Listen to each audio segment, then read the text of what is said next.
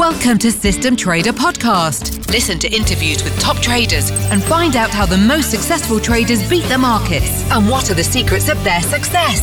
This is System Trader Podcast with your host, Jack Lempart. Today, I have a great pleasure to interview a true icon in the world of systematic trading.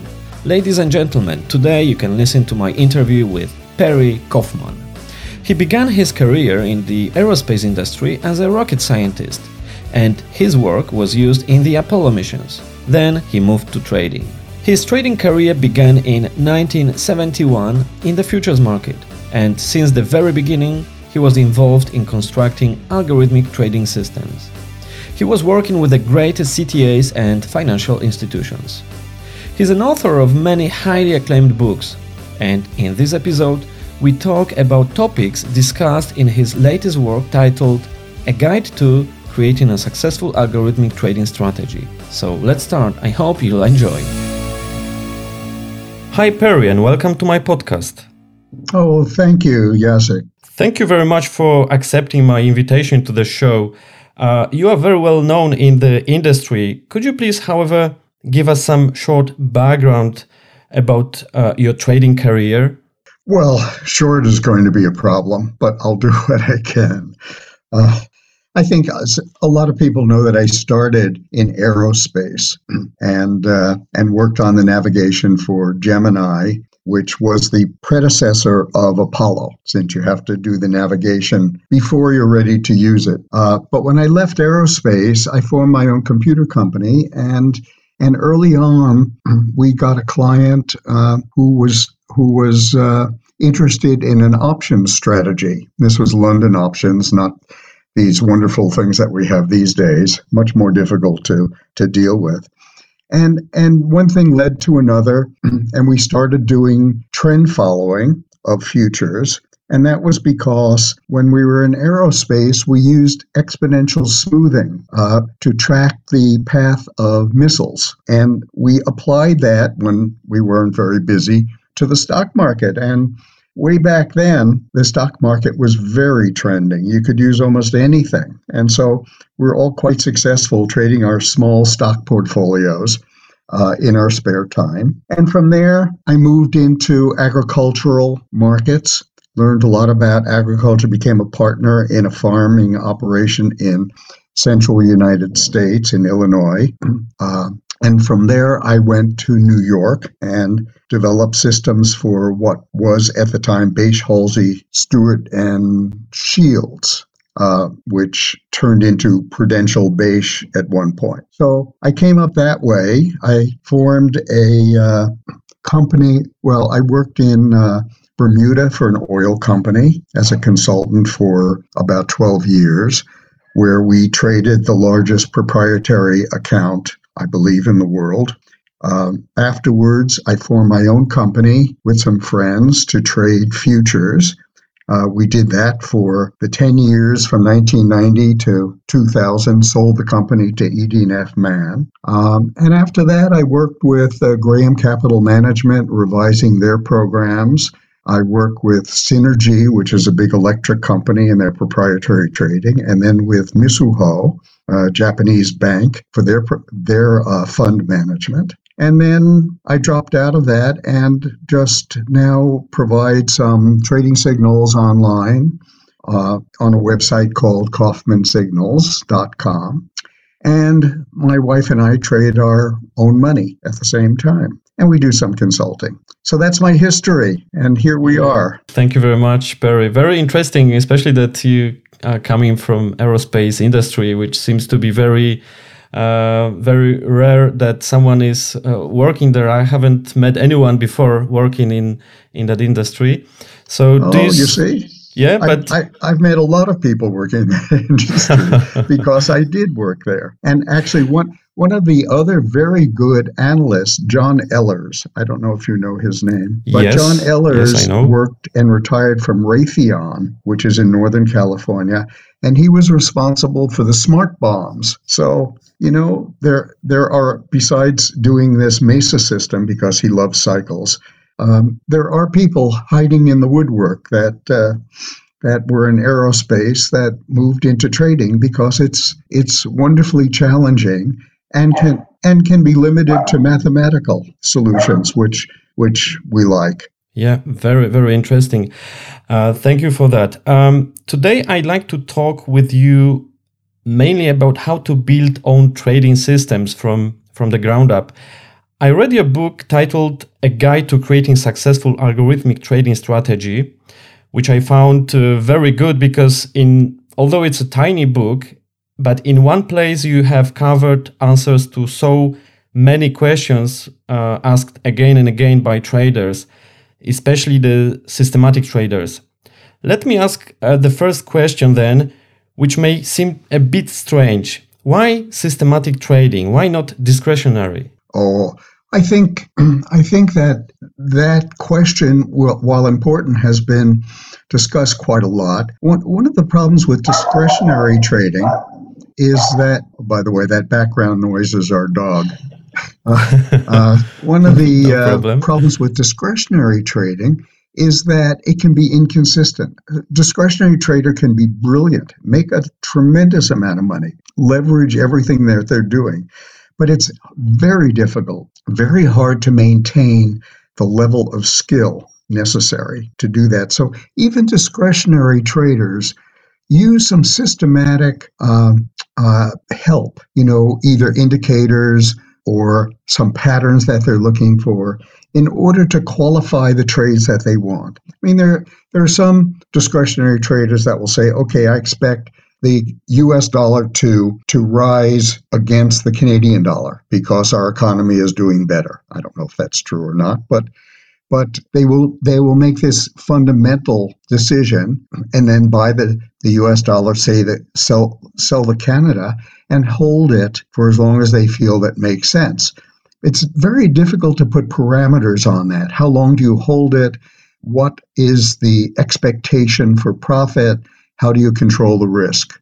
The, the nice thing about systematic trading or algorithmic trading is that you can test your ideas. You can see whether or not uh, a trend following system is robust. That is, does it does it work for most markets? What is the range of calculation period, say 40 days to 120 days, that that works, uh, and you can get an idea of the amount of risk involved in doing that trading. So there has been a shift from in the industry which which originally did not like algorithmic trading. The the, the fund management people did not like it because it it appeared to be uh, too mechanical, and they felt that a human being could could over overlay important information on that and make everything better. It turns out that doesn't seem to be true. Uh, I think recently it was BlackRock that um, has eliminated uh, uh, this discretionary portfolio management in favor of algorithmic portfolio management. Uh, it's it's more accountable. Uh, for a big company, you don't have to make excuses when a person doesn't work out well or when they, they take too much discretion. So, algorithmic trading has a tremendous number of advantages, uh, primarily understanding expectations. And, and I think that's, that's the important thing. Now, what we'll discuss, I think, as we get further along, is how to be sure that the results that you're looking at are as close to realistic as possible because everybody knows that computers are powerful. You can overfit anything. And when you overfit a system, that is, you come up with parameters that appear to be perfect, then those have very little chance of working in the future. And so, what we need to do is understand how to test a system so that we get realistic results and we can expect something similar to that by trading. Okay, thank you very much, Perry, for that. Very interesting. We'll get to that topic uh, closely uh, soon. Uh, but before that, I wanted to ask you one more question. Um, at the beginning of your book, you mentioned that, among other people, Linda Raschke had some influence as well, uh, at least some influence on, on the content of that book. And I had the pleasure to interview uh, Linda recently, and she described herself as a discretionary trader, although she's in fact modeling the market. So, as you mentioned, she's in a way also a systematic trader, although she says uh, she describes herself as a as a discretionary. But she has, let's say, um, I don't know if it's a good word, some problem with a 100% mechanical approach. For example, on a discretionary basis, she says that uh, she can um, increase her leverage uh, with a lot more aggressiveness that uh, she would ever do on a mechanical uh, system. So, how would you comment um, such opinion? Well, uh, you're very perceptive. She she is really very good, but she is much more systematic than she'll admit. Uh, she she has people testing things for her and and understanding rules in programming. But then she does choose to select which trades she wants.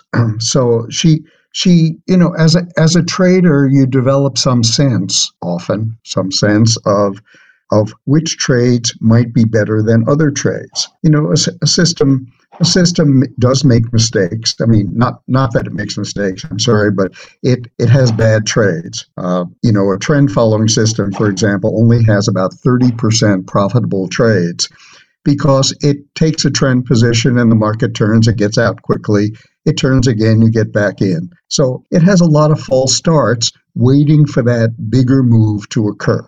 Now, as a discretionary trader, perhaps you can avoid some of those false trades. I know Linda likes to wait till after a trend signal to find a better entry point. Now, I think she could probably program this to be more mechanical. I just don't think she wants to go that far. It's just a personal decision.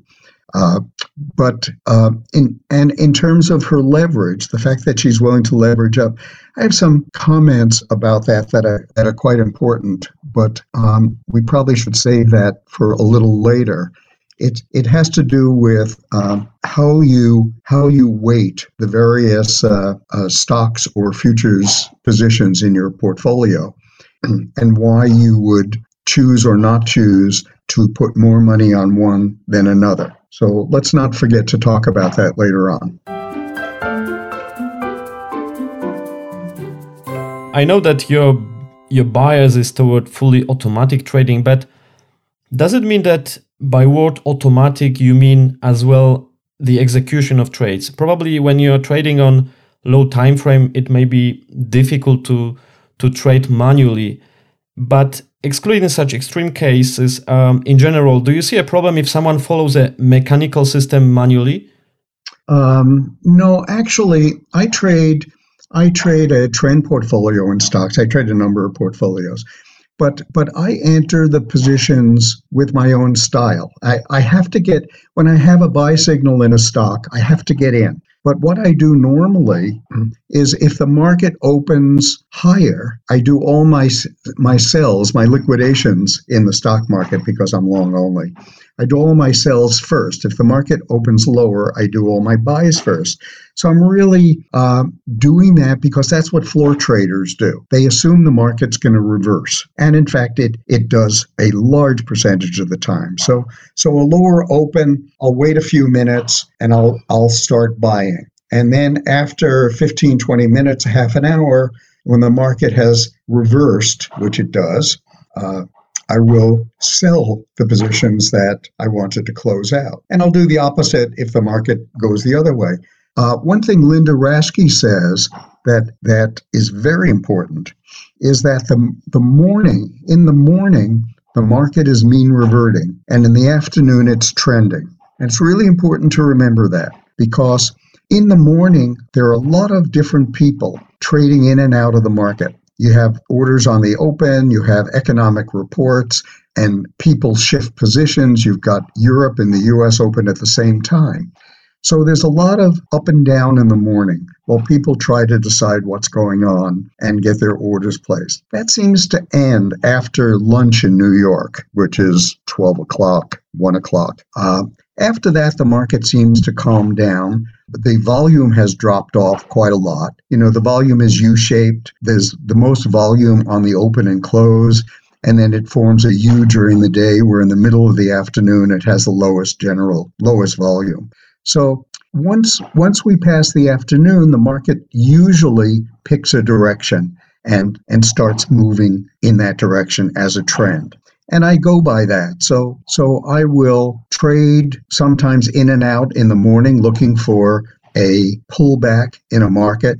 So if for example I'm I'm long everything and I I get a favorable uh, uh, quarterly report from the company and the market jumps up 8%, I will wait to see that it's stabilized. I'll sell the position and then wait for a 30, 40% pullback from that to re enter my position. So, as a systematic trader, I'll always go out the day with the positions held by the system. But because I get bored and I think I can improve results, I will trade in and out of specific specific situations like this you know a big jump on on a good uh, income report from a company and and so anyway it's it's it's something that everybody can do but if you're a systematic trader you have to be sure to be back on the system and you have to have confidence that if you don't have an opinion if you don't know something specific that you want to do then stay with the system because the odds are in your favor Okay, thank you very much, Perry, for that uh, sharing that valuable uh, stuff. So, as you said, we have to uh, be confident with the system we we are following. So could you please in I know it, it could be a very long answer here, but for that question, but just in a few sentences describe the process of developing a trading strategy. What should be the let's say high level steps of the development process? It, it, it is a good question. It's not always easy to answer. For beginning algorithmic traders, I would suggest that they inspect only the trend uh, or trend following methods. Macro trends have proved to be very, very successful over at least 40 years. And by a macro trend, I mean any kind of a simple trend system. It could be a moving average, it could be a linear regression, it could be a breakout but it has to be slow because the market doesn't go one direction every day. And so they you should start looking at applying a trend, a, a slow trend or macro trend to different markets and and understanding the risk in that system. That is, it, it will, uh, my experience is that these macro trends will make money in virtually everything. But the bad news is that when you have a long term trend, uh, there will also be a number of reversals and the trend won't change. You'll have to sit there while the market goes the wrong way because that's why trends work. Uh, but but anyway, so so the new systematic trader should be comfortable with the trend because even if they don't become trend following traders in the long run, they'll use the trend to filter other systems. If you have a pattern system and you believe that uh, that the market uh, reverses every three days, then you'll find that you will be more successful if you only take the reversals in the direction of the trend. So, so there are simple ways to start out algorithmic algorithmic trading that almost anybody can do. You can do it on a spreadsheet. You don't even need a sophisticated uh, platform like TradeStation or uh, NinjaTrader or any of a dozen uh, helpful pieces of software. So you can do this and experiment on on a spreadsheet and see how it works. Actually, Jacek, I don't know if I if I answered your question or if I got off on another direction. No, that that's very good what you said. Uh, I I fully agree and uh, thank you for that. I wanted also to ask you then once we have the trading idea then um, and we have implemented we translated our idea into the programming code. I mean uh, on on some trading platform, let's say, then we have some data set on which we can test it, and then uh, you mentioned in your book about having the two sets of data, the in sample and out of sample. And here is and here is a big topic which which I will open now because um, in the industry, uh, some people are also using, uh, for example, um, the walk forward analysis, which basically is rolling in sample and out of sample tests, and each window gives um, the best parameters for the next window. But when I studied your book and uh, and your previous books as well, I haven't found uh, explicitly such concept. Although you mentioned it's good to, for example, you mentioned that it's good to alternate the validation data so that um, it comes from a different market periods. Yeah, I, I understand where you're going with this. Um, it's it's a the difference between a scientific approach here to testing and and um, some common sense. Uh, there there are different ways to test. Now, the the true scientific way is to separate in sample and out of sample data. It's the check to be sure that you haven't cheated. Uh, and so, what you do is you say, uh, let's say I want to test the futures markets with 20 years of data. I test it on 15 years and I leave the most recent five years. And in the, 50, the early 15 years, I can do anything I want. I can look to see what trades didn't work. I can fix the rules. I can fiddle with it. I can add a moving average. I can add volatility. I can do anything I want.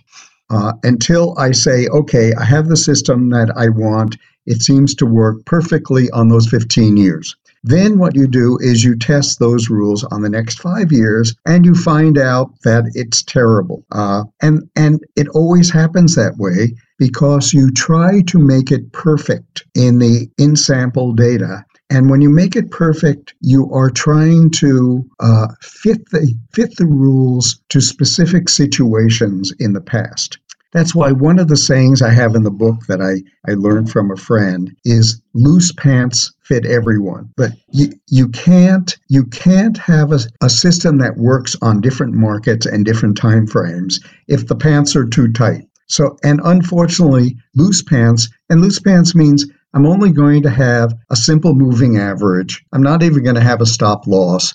I may have profit taking, or I may have volatility adjustment that says when the market's volatile, I trade less. But that's about it. Uh, and and if you have very few rules, the chances of it working on a lot of markets is very good. Unfortunately, it will also have risk. The only way you get rid of the risk is within the portfolio part of the program, not in the systematic part. So, or not in the trading system. So you're looking to to find something that works or makes money across as many markets as possible. Even though some markets will only make a little, some markets will make a lot, it doesn't matter. The portfolio program will sort them out later and pick the ones that you want to trade. So don't spend too much time uh, being sophisticated about the underlying system. I believe you'll find that the portfolio program is at least 50% of the problem. So we save a lot of the a lot of the sophistication for later on when we select which markets we want to trade. And in the systematic part, we keep it as simple as possible. Um, just um, in that topic, I found, uh, at least I've got a feeling that you prefer, because at some point we have to define a parameters which we will have in that system. And I've got a feeling that you prefer to define a range of robust parameters and trade more than one set of parameters at the same time. So it's a kind of diversification, let's say. You you you um, you don't say anything, at least in your book, about reoptimization uh, parameters because you never know what is best, what will be best tomorrow. You know what was best yesterday, but you cannot say what will be tomorrow. So I've got a feeling that for that reason you are using the set of parameters. Is am I correct? Yes, but let me just put this question aside for a second and go back because I didn't answer your previous question completely. Uh, we were talking about in sample and out of sample data, and I said that that you'll find that if you make the if the rules too complicated in the in sample, then the out of sample won't work. But let's also talk about the the way in which we use the data. One of the problems is that the markets have changed over time. So you may want to do the opposite. You may want to use the more recent data as the in-sample data and then look to see whether that worked uh, further in the past instead of the opposite way. Uh, but but to me, neither one of those is a good solution. So what I did with my data is I I look at alternating periods. So for example, if I have 20 years I will look at um, two or three year intervals. So I, I will use a moving average, for example, um, and and I will only show the results for for alternating, say, three year periods, 1990 to 92. Then 1996 to 98, 1990 or 2001 to 2003, so I make the program uh, so that it doesn't show the performance in between those years. Uh, you run the same you run the same trend for the whole time, but but I'm able to show only the performance in the selected years, and that allows me to use older and newer data uh, as in sample out of sample, uh, which I think is a better solution. It's more complicated so that this will only help those people that are more adept at uh, programming these things. But but it is for me the solution. The other simple thing is just to test more data. The more data you test, the less likely you can overfit anything. So uh, you don't want to test the last three years of a stock. You want to test the last 20 years, and and you'll be safer. Uh, and that's about the the best thing I can do with in sample, out of sample. It it is a dilemma, and most people cheat. But let me just discuss the uh, step forward or walk forward testing. There are a number of issues with that. Uh, it is technically the, the perfect solution. You you uh, optimize parameters for one period. You use that going forward for three months, six months, a year and then you move the whole process forward and you test again and do that. There are two big issues with this.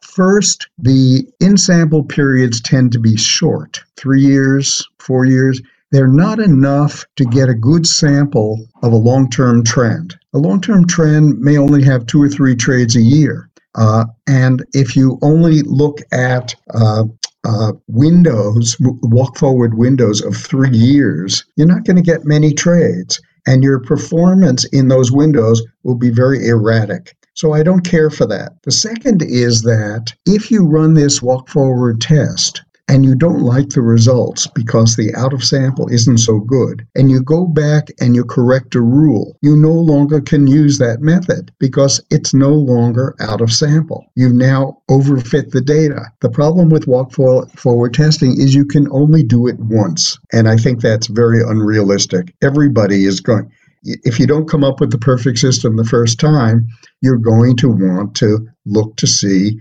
what I could have done to improve things. And you're not allowed to do that with walk forward testing. So for that reason, I really I, I don't discuss it in my book because I think it's impractical. Should we should we now go to the multiple parameter question?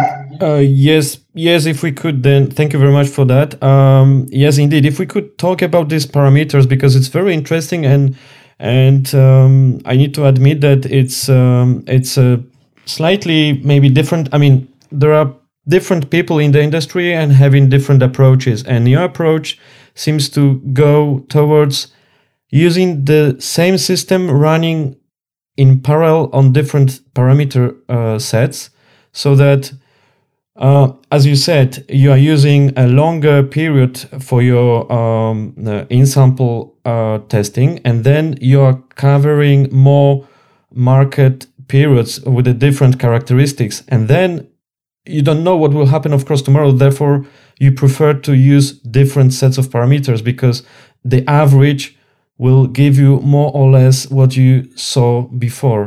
Yes, I, I see you. You understand. So let, let me repeat it in my words. Um, one of the problems is if you do your optimization and your testing, and you try to come up with a, a moving average speed, say 80 days. 80 days is a typical macro trend speed. Uh, and you'll find it will work in general over most markets. And that's good. The problem is that one trend speed, like trading one stock, could give you the best result or the worst result uh, for the year. Uh, when you trade two stocks that you believe work, you get an average result. You don't get the best, you don't get the worst. You get a more stable and hopefully good result. So the same thing applies to parameters. If I have a trend following system, I'm pretty sure that everything between 40 or 60 and 120 days or 150 days will be profitable. They will be profitable to different levels, uh, and they will be profitable in different years. And I don't want to put all of my money on one trend speed because it's going to flop around a lot. Even if it turns out to be a good choice, it will flop around. I'd rather have a more stable return. So what I do is I will pick at least three parameters that are spread out across the range of parameters that make money. It could be 30, 60, 120. It could be 40, 80, 160. Notice I, I double the, uh, the calculation period because it keeps the percentage the same if you were to pick a 30 and a 40 day moving average, you would have a 25% or 30% difference in the calculation speed, which is quite a lot. The results would be quite different. If you were to pick uh, 140 and 150 day moving average, it'd be almost identical. And so you need to spread out your parameter selection across a wider range. And that that that's the same with profit taking. If you were to do profit taking, uh, you would use the typical way is to use a profit factor times a true range, and you would pick uh, not not uh, one, one and a half, and two as your profit targets, but you would pick you know one, three, and six. You you need to spread them out to give yourself a better distribution. Uh, in all cases, say in the in the case of profit taking, you pick the profit level that you know is going to be good. Let's say a factor of three. So the entry price plus the three times the average true range is your goal. And then you take that mm, and you spread out your profit taking around three so that if you had three profit taking levels, the average exit would be your target of three. So it could be one and a half, three, and four and a half. So that you you can take profit sooner at your original target and later. The nice thing about that, and I know we're drifting from our conversation, but nice thing about that is that once you take your first profit off, you're reducing your exposure and, and your risk. When you take the second of the three off, there's almost no chance you will turn a profit into a loss. And then the coup de grace is being able to get the third leg off. And then you have accomplished just what you want. Uh, so let's let's go back to the parameters. Again, let me just repeat that the reason for multiple parameters is that you don't want to put all your money on one one chance you want to uh, you want to stabilize your returns by getting an average of of all of the moving average returns. So what you might do is say take the average return of of uh, the calculation periods from 40 to 150 look at the test results and see what the average returns are and then try to spread out your selection of, of parameters so that those return the average. Now, I, I do that myself by using all of the parameters. Uh, so, so instead of picking three, I will pick 15 or 20 because it's just a computer. I run 20 different combinations and I put 120th of my investment on each one I get I get trading signals. I net out those trading signals uh, so that I get one trade out of it, and it's based on the average of all of those other signals. Uh, the nice thing about that is that as the trend turns from up to down or down to up, some of these trends will turn faster and I will actually be scaling in and out of my trade based on how strong the trend is. So you have a really strong uptrend as we had for so many years you'll be 100% long. But in the past couple of months, as the market has has turned sideways to down, you will start scaling out. So now you may only have a half a position on instead of your full commitment. And so you won't be as exposed to the risk until the market makes a decision whether it's going up or down. If it goes down, you'll scale out more. If it goes up, you'll start to get in again. I find those are nice, nice solutions that are solved algorithmically. Yes, very interesting, and I think also, uh, Perry, that this is um, also helping from uh, helpful from the psychological point of view because at least that's my feeling. Um, I see that I'm partially already. I, I I've got some profit already. My exposure is decreased, so my risk also is decreasing. So it's not like I'm still risking um, losing my paper uh, paper profit because I already have some profits in my pocket. Yes. Now the problem with taking profits is that sometimes you get all your profit and you're very happy, and then the trend continues and you have no position and and you miss out on a much bigger profit. So along with taking profits, you have to have a re-entry rule because you can't allow a very big trade to get away from you. And, and the reentry rule can be based on a couple of different things. It could be a pullback uh, to towards the moving average, so that you take profits off and then it pulls back halfway, you get back in. It could be based on volatility, which I like actually, because normally when you get profit taking, the market has moved up faster and is more volatile. So you keep track of when you got out what the volatility of the market was. And it could be in true range, it could be in annualized volatility. Calculations are easy to find. And then if the volatility quiets back down to normal, whatever the normal volatility was before the market started moving, you get back in. And I find that a, a, more interesting solution. So you're getting out when the market is more volatile and you're getting back in when it quiets down. Now, it may turn out that it quiets down after a pullback. It may turn out that it quiets down after you've taken profits without actually pulling back. It doesn't matter. When the market quiets down, it's absorbed everything, all the news, and it's starting all over again. So I find the volatility is a very interesting and somewhat different way to re enter a market after you've taken profits.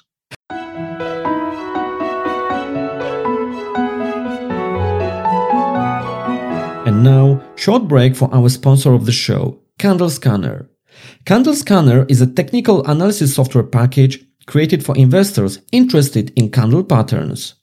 What makes Candle Scanner application exceptional is that from the outset, it has been specifically designed for the detection of candle patterns. It is not just an add-on to an existing analysis platform, but a specialist charting application written by people with an extensive knowledge of the topic of candlestick patterns. It is suitable for both seasoned traders and complete beginners. With Candle Scanner, you can do the following. Quickly scan candlestick charts to find all occurrences of candle patterns. Measure the efficiency of patterns, that is, are they working as you expect them to? Build trading strategies based on candle patterns and simulate transactions. And soon, Define any custom pattern you want, then scan the charts and measure its efficiency. And all this without any coding. Please visit candlescanner.com for more details.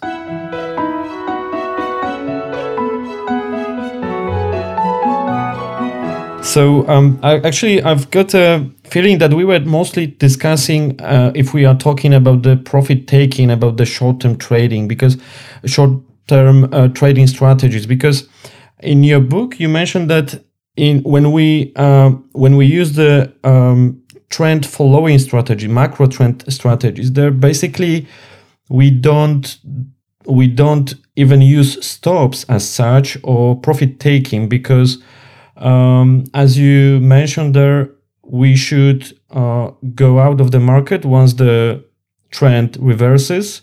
And also this is our stop at that moment. And also as for the profit taking, we we we will not take any profits because we are looking for as long trend as possible. And we are also using very very slow trend very slow uh, for example moving average. Therefore um, therefore um, the profit taking is not the case.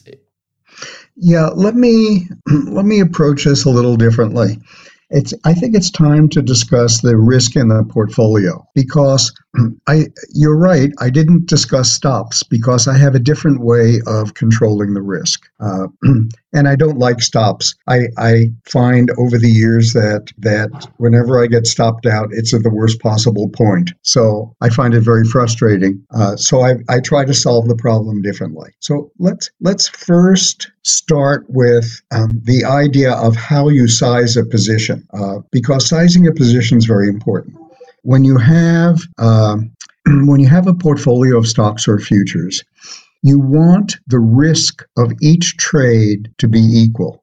you don't care about the profits; the profits will take care of themselves. The risk needs to be equal. When you equalize the risk of every trade, you maximize the diversification, which means you smooth out the results. So in stocks, the easiest way is simply to take your investment. Let's say you have $100,000. You're going to trade 10 stocks. You divide your investment equally into 10 parts, $10,000 each. And then you divide that 10,000 by the stock price. Now, it's not a perfect solution, but higher prices normally mean more volatility. So a stock that trades at a higher price will have a smaller position.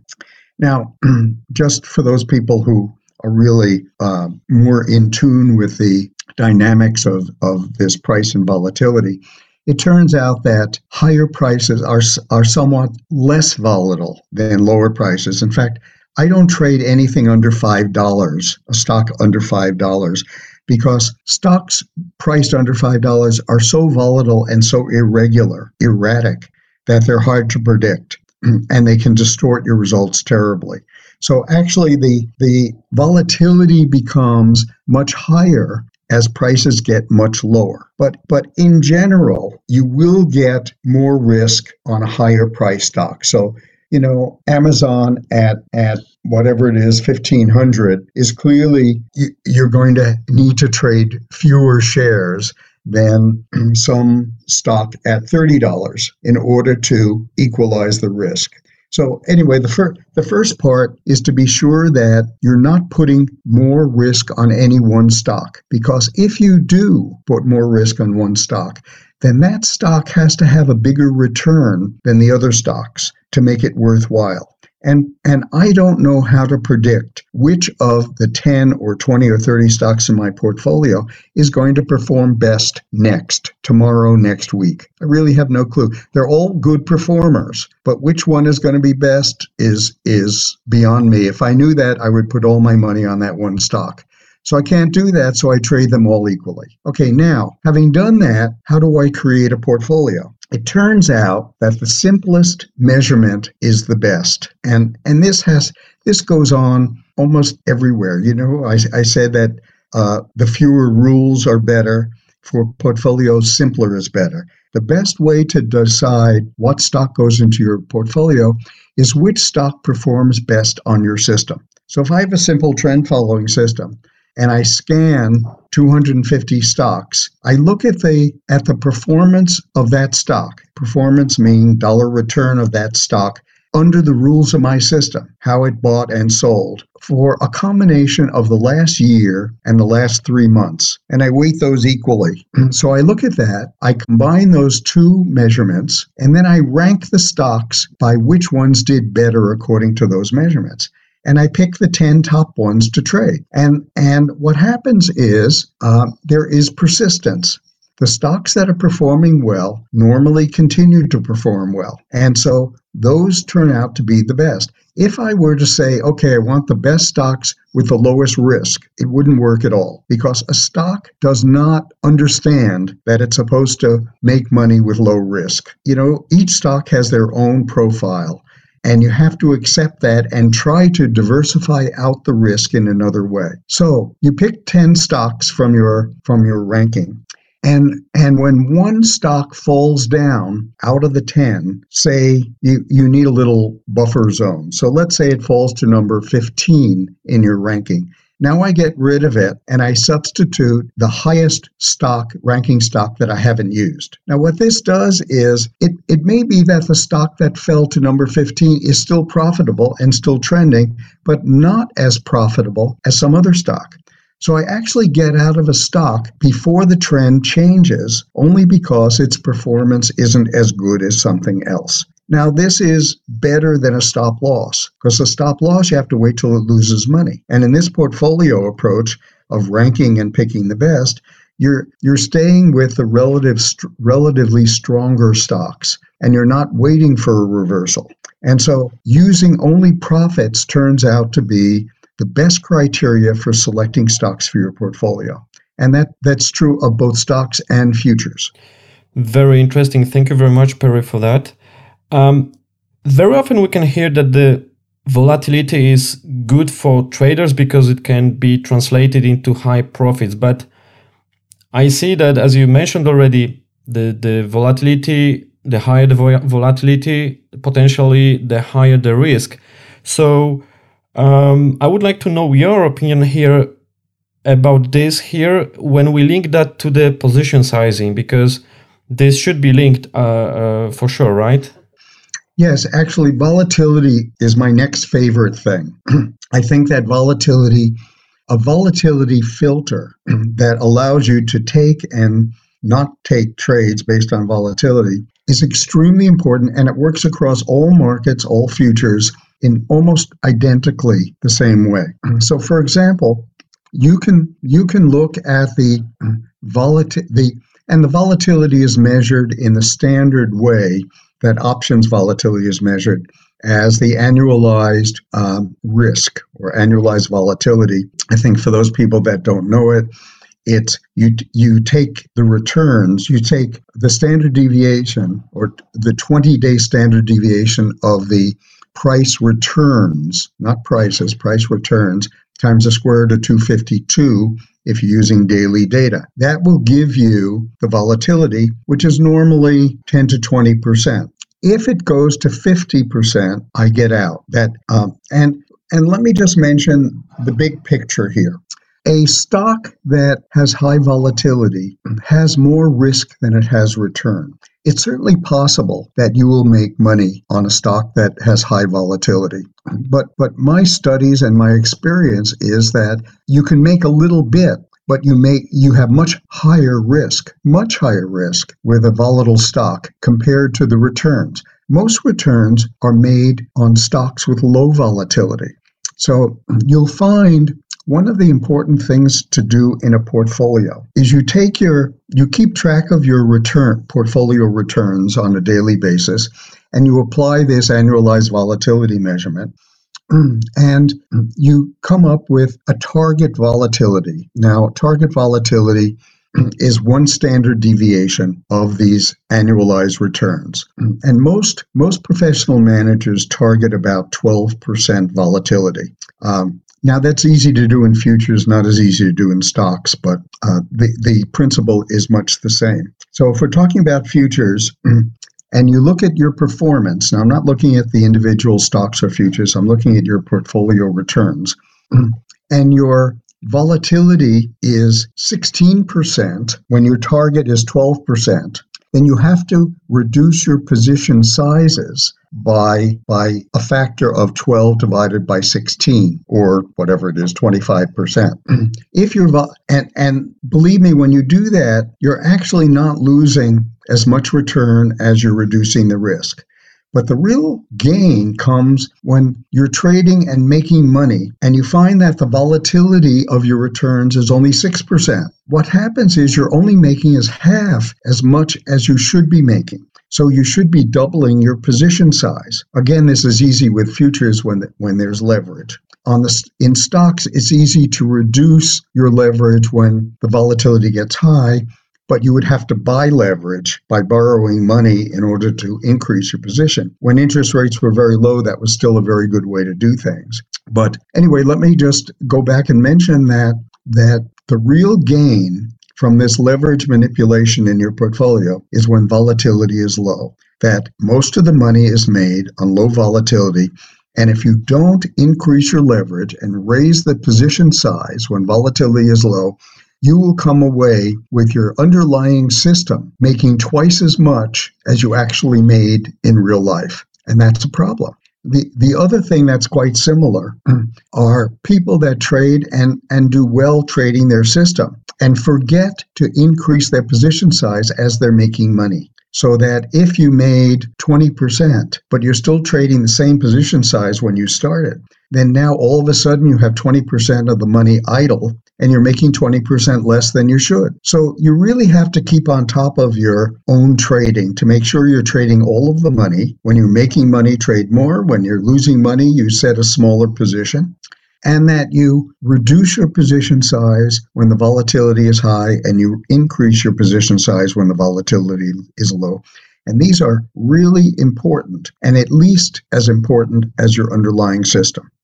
Okay, thank you very much, Perry, for, for, for sharing that very valuable information. So, I've got a feeling that um, the risk management, in fact, is your main focus more than uh, even maybe uh, the perfect entry and exit as such, but just to know what is your real risk. And if we are talking about uh, the portfolio, is there any easy answer to the question if we want to have either different multiple different strategies or maybe it's better to diversify in across many markets. Do you do you do you think that one or the other approach is is is better?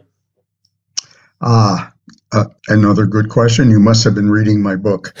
Uh, yes i did. Yes yes. Um, i think we've all learned that market diversification is almost impossible. Uh, in the stock market, when things go wrong, like yesterday, when there was a big decline in the US market, I looked at my portfolio and virtually every stock in my portfolio declined about the same amount. Uh, and and I'm holding things in different sectors. It just doesn't work. Uh, what does work is strategy diversification. So if you really want to be diversified, you should have a trend following system you should have a pattern system that that could be a two or three day trend. It could be um, uh, some sort of a uh, uh, divert. Uh, I seem to have lost the word, but uh, where one market goes one way and one one goes the other. Uh, we'll we'll figure that one out.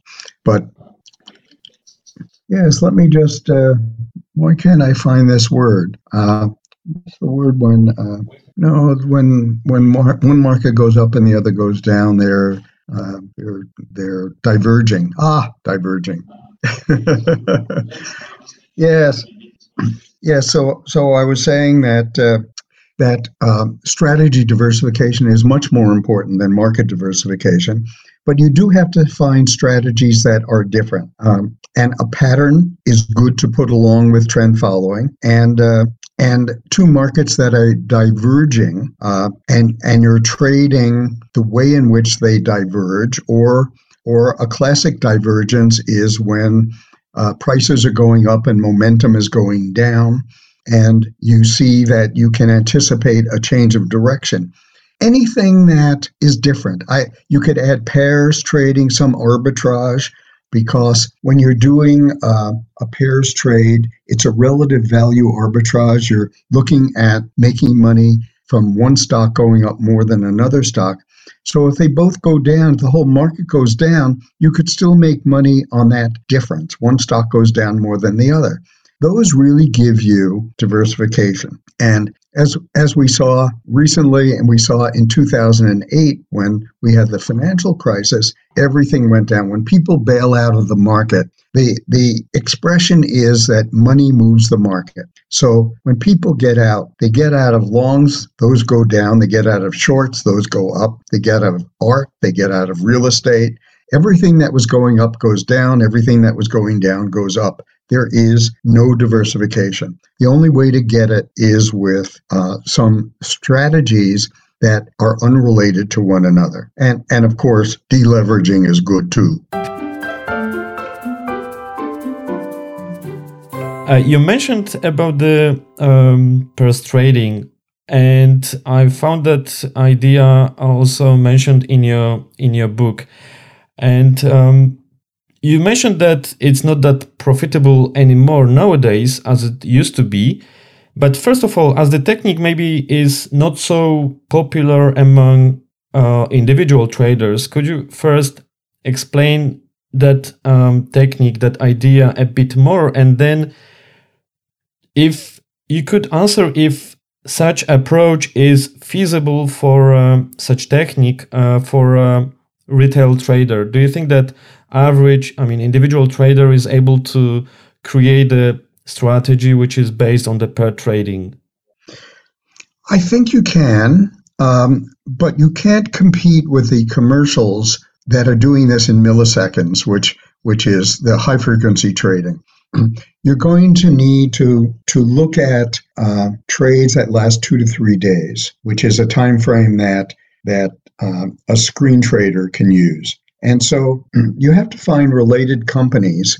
And, and what you're really taking advantage of doesn't occur that often, but but during uh, earnings season, for example, um, one, say, uh, semiconductor company will announce its earnings ahead of a different one. Now, they're all in the same business with the same customers in the same economy. and so, if one semiconductor company has a good return uh, for the quarter and it jumps up, then you want to sell that company and buy a the semiconductor another big semiconductor company that has not yet released its earnings and has not moved. You'll find of course that that the other semiconductor companies will move in sympathy with the first one, but not as much and there will still be an opportunity to make money. So you can do that. Um, you have to just run the difference between the stocks or the ratio of the two companies and look for the day in which that ratio jumps up or down. You then need to be sure it was on something like, like earnings and not a scandal or some problem or the company lost a large contract because because the uh, pairs trade for things like this have to all have to do with with anticipating one earning one company's earnings ahead of the other. So you can do that, and and it's a very safe trade. Uh, you know, I can't tell which ones will make more or less money, but but it's highly unusual for one company in a manufacturing industry to make money and and another not to. So so you can expect similar follow through. And and it's a short trade. As I said, they're all going to announce pretty much within a few days of one another. So there's an opportunity there and and you can I, isolate it strictly by following the ratio of the two company prices, uh, which you can do either on a spreadsheet or any I think almost any quote equipment that has graphics will allow you to plot that. Okay, thank you, Perry, for that. So it sounds like uh, trading is a is also a good way of diversification of our portfolio. So um, not having only some position positional trading uh, strategies, but but also to have something more, uh, let's say, um, I don't know if it's a good word, neutral, and like pairs trading, just to also mitigate the risk in our portfolio. Yes, any kind of spread trading is going to give you diversification over outright positions. So people should consider, uh, you know, what spreads between things make make sense, um, and and they can look it up online. There are all sorts of interesting, you know, commentaries on online that will give people ideas as to which to, which items to trade. I, and you should do it. There's a lot of information out there. You just have to know what you're looking for uh, and ask the right questions and and you'll be surprised what you can find. And then you just do a little homework and you come up with a system. It and and again you don't want to get complicated. You want to find the simplest possible rules for uh, for a, a trading system Yes, thank you. Uh, we are getting slowly to the end, but I have one more question to you regarding the um, genetic programming, uh, because I would like to know what you think about some software packages which are now on the market which are using, for example, genetic programming just for the uh, uh, just for automated building trading strategies. So basically, we load the data and we have some set of rules inside, and based on the genetic programming approach, um, we have um, on the output a set of strategies. Do you think that um, it's possible to use such approach in a wise way, in a successful way? Because I'm, of course, I know that it can be um, a way for some, especially young traders, to find a shortcut. So they think that um, automatically they will get some trading strategy with no effort. But of course, there's no there's no uh, possibility it will work. But do you think that if someone is doing that in a let's say wise way, do you think it's it can be useful to use such approach? Uh, a difficult question. Um, I have done that. Uh, again, if you're trying to match trading rules to prices, the problem with the genetic algorithm is that you will succeed. Genetic algorithms and uh, neural networks are searching methods that are extremely powerful, um, and and I use them for other reasons. But but they will find solutions sometimes where there are none. Uh, they they are so good at matching rules to data that clearly if you put in a lot of rules it's going to overfit the solution. So the question becomes how do you use these tools without overfitting them? And perhaps uh, when you use a genetic algorithm, you put in 10 rules and say, okay, I only want to see the one that works the best. Because if you say, I want to see the combination of five that work the best, you're going to overfit it. So if you're looking to see, does, does a uh, moving average work better than a linear regression or or better than a breakout or better than uh, a pattern or something, uh, and you just ask for the best single solution, I think you're okay. Uh, but if if you want a combination of rules, I think that you have now stepped into the realm of overfitting, and, and that's not going to work. Okay, that's very interesting. So, in other words, if I understood you correctly, genetic programming, for example, could be used to um, replace that very time consuming um, and maybe boring uh, work where you have to try again and again uh, different different combinations to see what works better. And here, if you are using this in a simple way for some very simple rules, not not like you said five combinations, but just to see what basically works, just to see uh, what could possibly work, and then and then based on that results to continue working on your system. So that way maybe as you say it could make some sense.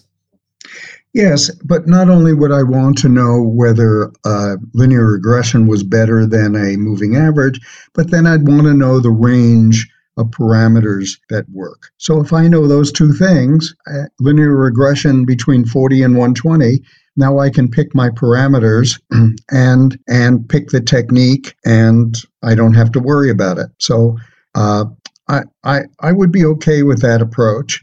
As I said, uh, if you start combining every possible pattern you know and every stop loss condition and trailing stop and fixed stops and profit taking and interrelationship between forward months and back months. Um, then you're going to come up with a wonderful solution. You're going to get a straight line up in terms of performance, and it will, of course, never work. Of course, I understand. Thank you very much, Perry, for that. Um, my last question comes from uh, the listener. Uh, Marek asks what type of tools and methods you use for data normalization. So um, I see uh, that's all I have. So it's not very uh, precise, but could you try at least to elaborate on that? Uh, I could. uh, data normalization is is uh, not a clear uh, item. Uh, in in some ways, you normalize data by changing prices into an index uh, is one way of making things the same. So often when I want to compare two markets, I will convert them to an index so that I'm looking at the percentage changes and not price changes. So that makes it easier. Uh, if it turns out if you do a linear regression on the two markets, the regression itself actually does that conversion. So if you're looking to see which of two markets is stronger, I do the same uh, linear regression of the of each one over the same time period, and the one with the with the uh, larger or larger slope will be the one that's the strongest, and it it self normalizes. Uh, the other normalization concept is with indicators. So, a momentum indicator, uh, some of them, straight momentum, doesn't have a limit. It's really the difference between today's price and the price N days ago, and it can jump anywhere depending on how far the the part they the second uh, normalization that that I know has to do with uh, normalizing indicators, and in that case we have we have uh, the example um, of simple momentum, which is the price today minus the price some days ago. And that value of a momentum can be anything. It can be large if the price made a big move during that period, or small if it didn't. Uh, it's usually a difficult number to use because it has no bound. Instead, we do things like uh, the stochastic or RSI, which divides the uh, price move over that period of time by the range, high low range of the same period. So, what you're getting is a value between 0 and 100 that says today's closing price is is somewhere in the range of the last 20 days or 30 days. Uh, and and that value is represented by a number between 0 and 100 so that's easy to use, and and that's normalizing. The problem with momentum indicate the problem with yes momentum indicators that are normalized is that if prices continue to go up, sometimes you get the value stuck at 100 for a number of days, uh, and so one of the techniques in using them is not to assume they're overbought at 100, but wait until the number comes off 100 so that you know it's no longer just going straight up. And that's all I that's all I have on normalizing in my brain. Okay, thank you very much, Perry, for that. Uh, that's very valuable. Um, it seems that we have covered all questions. So, do you maybe good. have any? do you maybe have anything you would like to uh, mention before we will finish today's podcast? I think the only thing I could possibly say is is that a trader starting out, systematic or otherwise, should always start small. I think actually trading is very important. You can't learn the risks and rewards on paper. I mean, you you do need to go through the process, but at some point you need to get into the market, make make a profit on a trade or lose on a trade. It teaches you a lot but do it with a very small amount of money so that the actual profit or loss doesn't mean anything. It's the experience of a risk or reward that counts. And you'll find that if you do a small amount of trading with the system, you'll learn so much more than what you can do simply by by looking at the numbers. Okay, I understand. That's very valuable. So it seems like once we put real money on the table, uh, we are really focused on the market. Your learning experience goes up quickly. Yeah, okay, thank you. That's very valuable. If someone would like to learn more about you or to get in touch with you, what is the, the, the best way to do that? Well, the website that um, has a program that I'm offering is called KaufmanSignals.com, and they can reach me by sending a note through that website, or or uh, I think it's uh, Perry at KaufmanSignals.com, and and I do answer questions. Okay, thank you. And the signals you are offering are they also for the European markets? Uh, no, they're they're stocks. Well, the the stock signals are for the U.S. markets. The futures are for US and Europe. Okay, I understand. Thank you. Um, thank you very much for your time. Uh, it was a big honor for me, so uh, I could have you on my podcast. Um, I wish you all the best. Thank you very much. Thank you. Thank you very much. I appreciate it. Thank you. Bye bye. Okay, bye. That's all from my side for today. I hope you liked the show and found many valuable tips from Perry. Please visit my website at systemtrader.show slash 003 where I included some extra stuff related to this episode. Also, if you would like to comment this episode, you can do that there. So, thank you very much for your time. I wish you all the best, happy trading, and goodbye.